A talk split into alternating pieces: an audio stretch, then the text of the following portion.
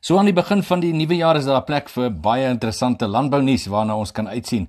In sentraal Suid-Afrika is daar in die eerste paar maande sommer 'n hele paar hoogtepunte om na uit te sien.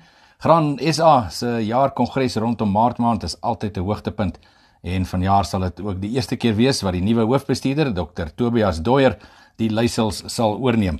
Dr Doyer is natuurlik 'n ou bekende in georganiseerde landbou en ons sien sommer uit uh, om hom terug te verwelkom. Graan SA en Nampo week vroeg in Mei is natuurlik ook nog 'n groot hoogtepunt en vanjaar is daar nog 'n paar verrassings wat wag.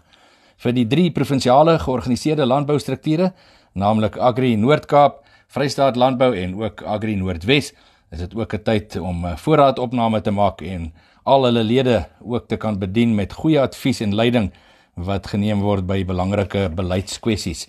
Nou uh, landboubesighede asook die sogenaamde koöperasies, bedryfsorganisasies en selfs tersiêre opleidingsinstansies sal vanjaar weer eens hulle kant bring om ook in al die baie behoeftes te voorsien en natuurlik ook nuus te verskaf.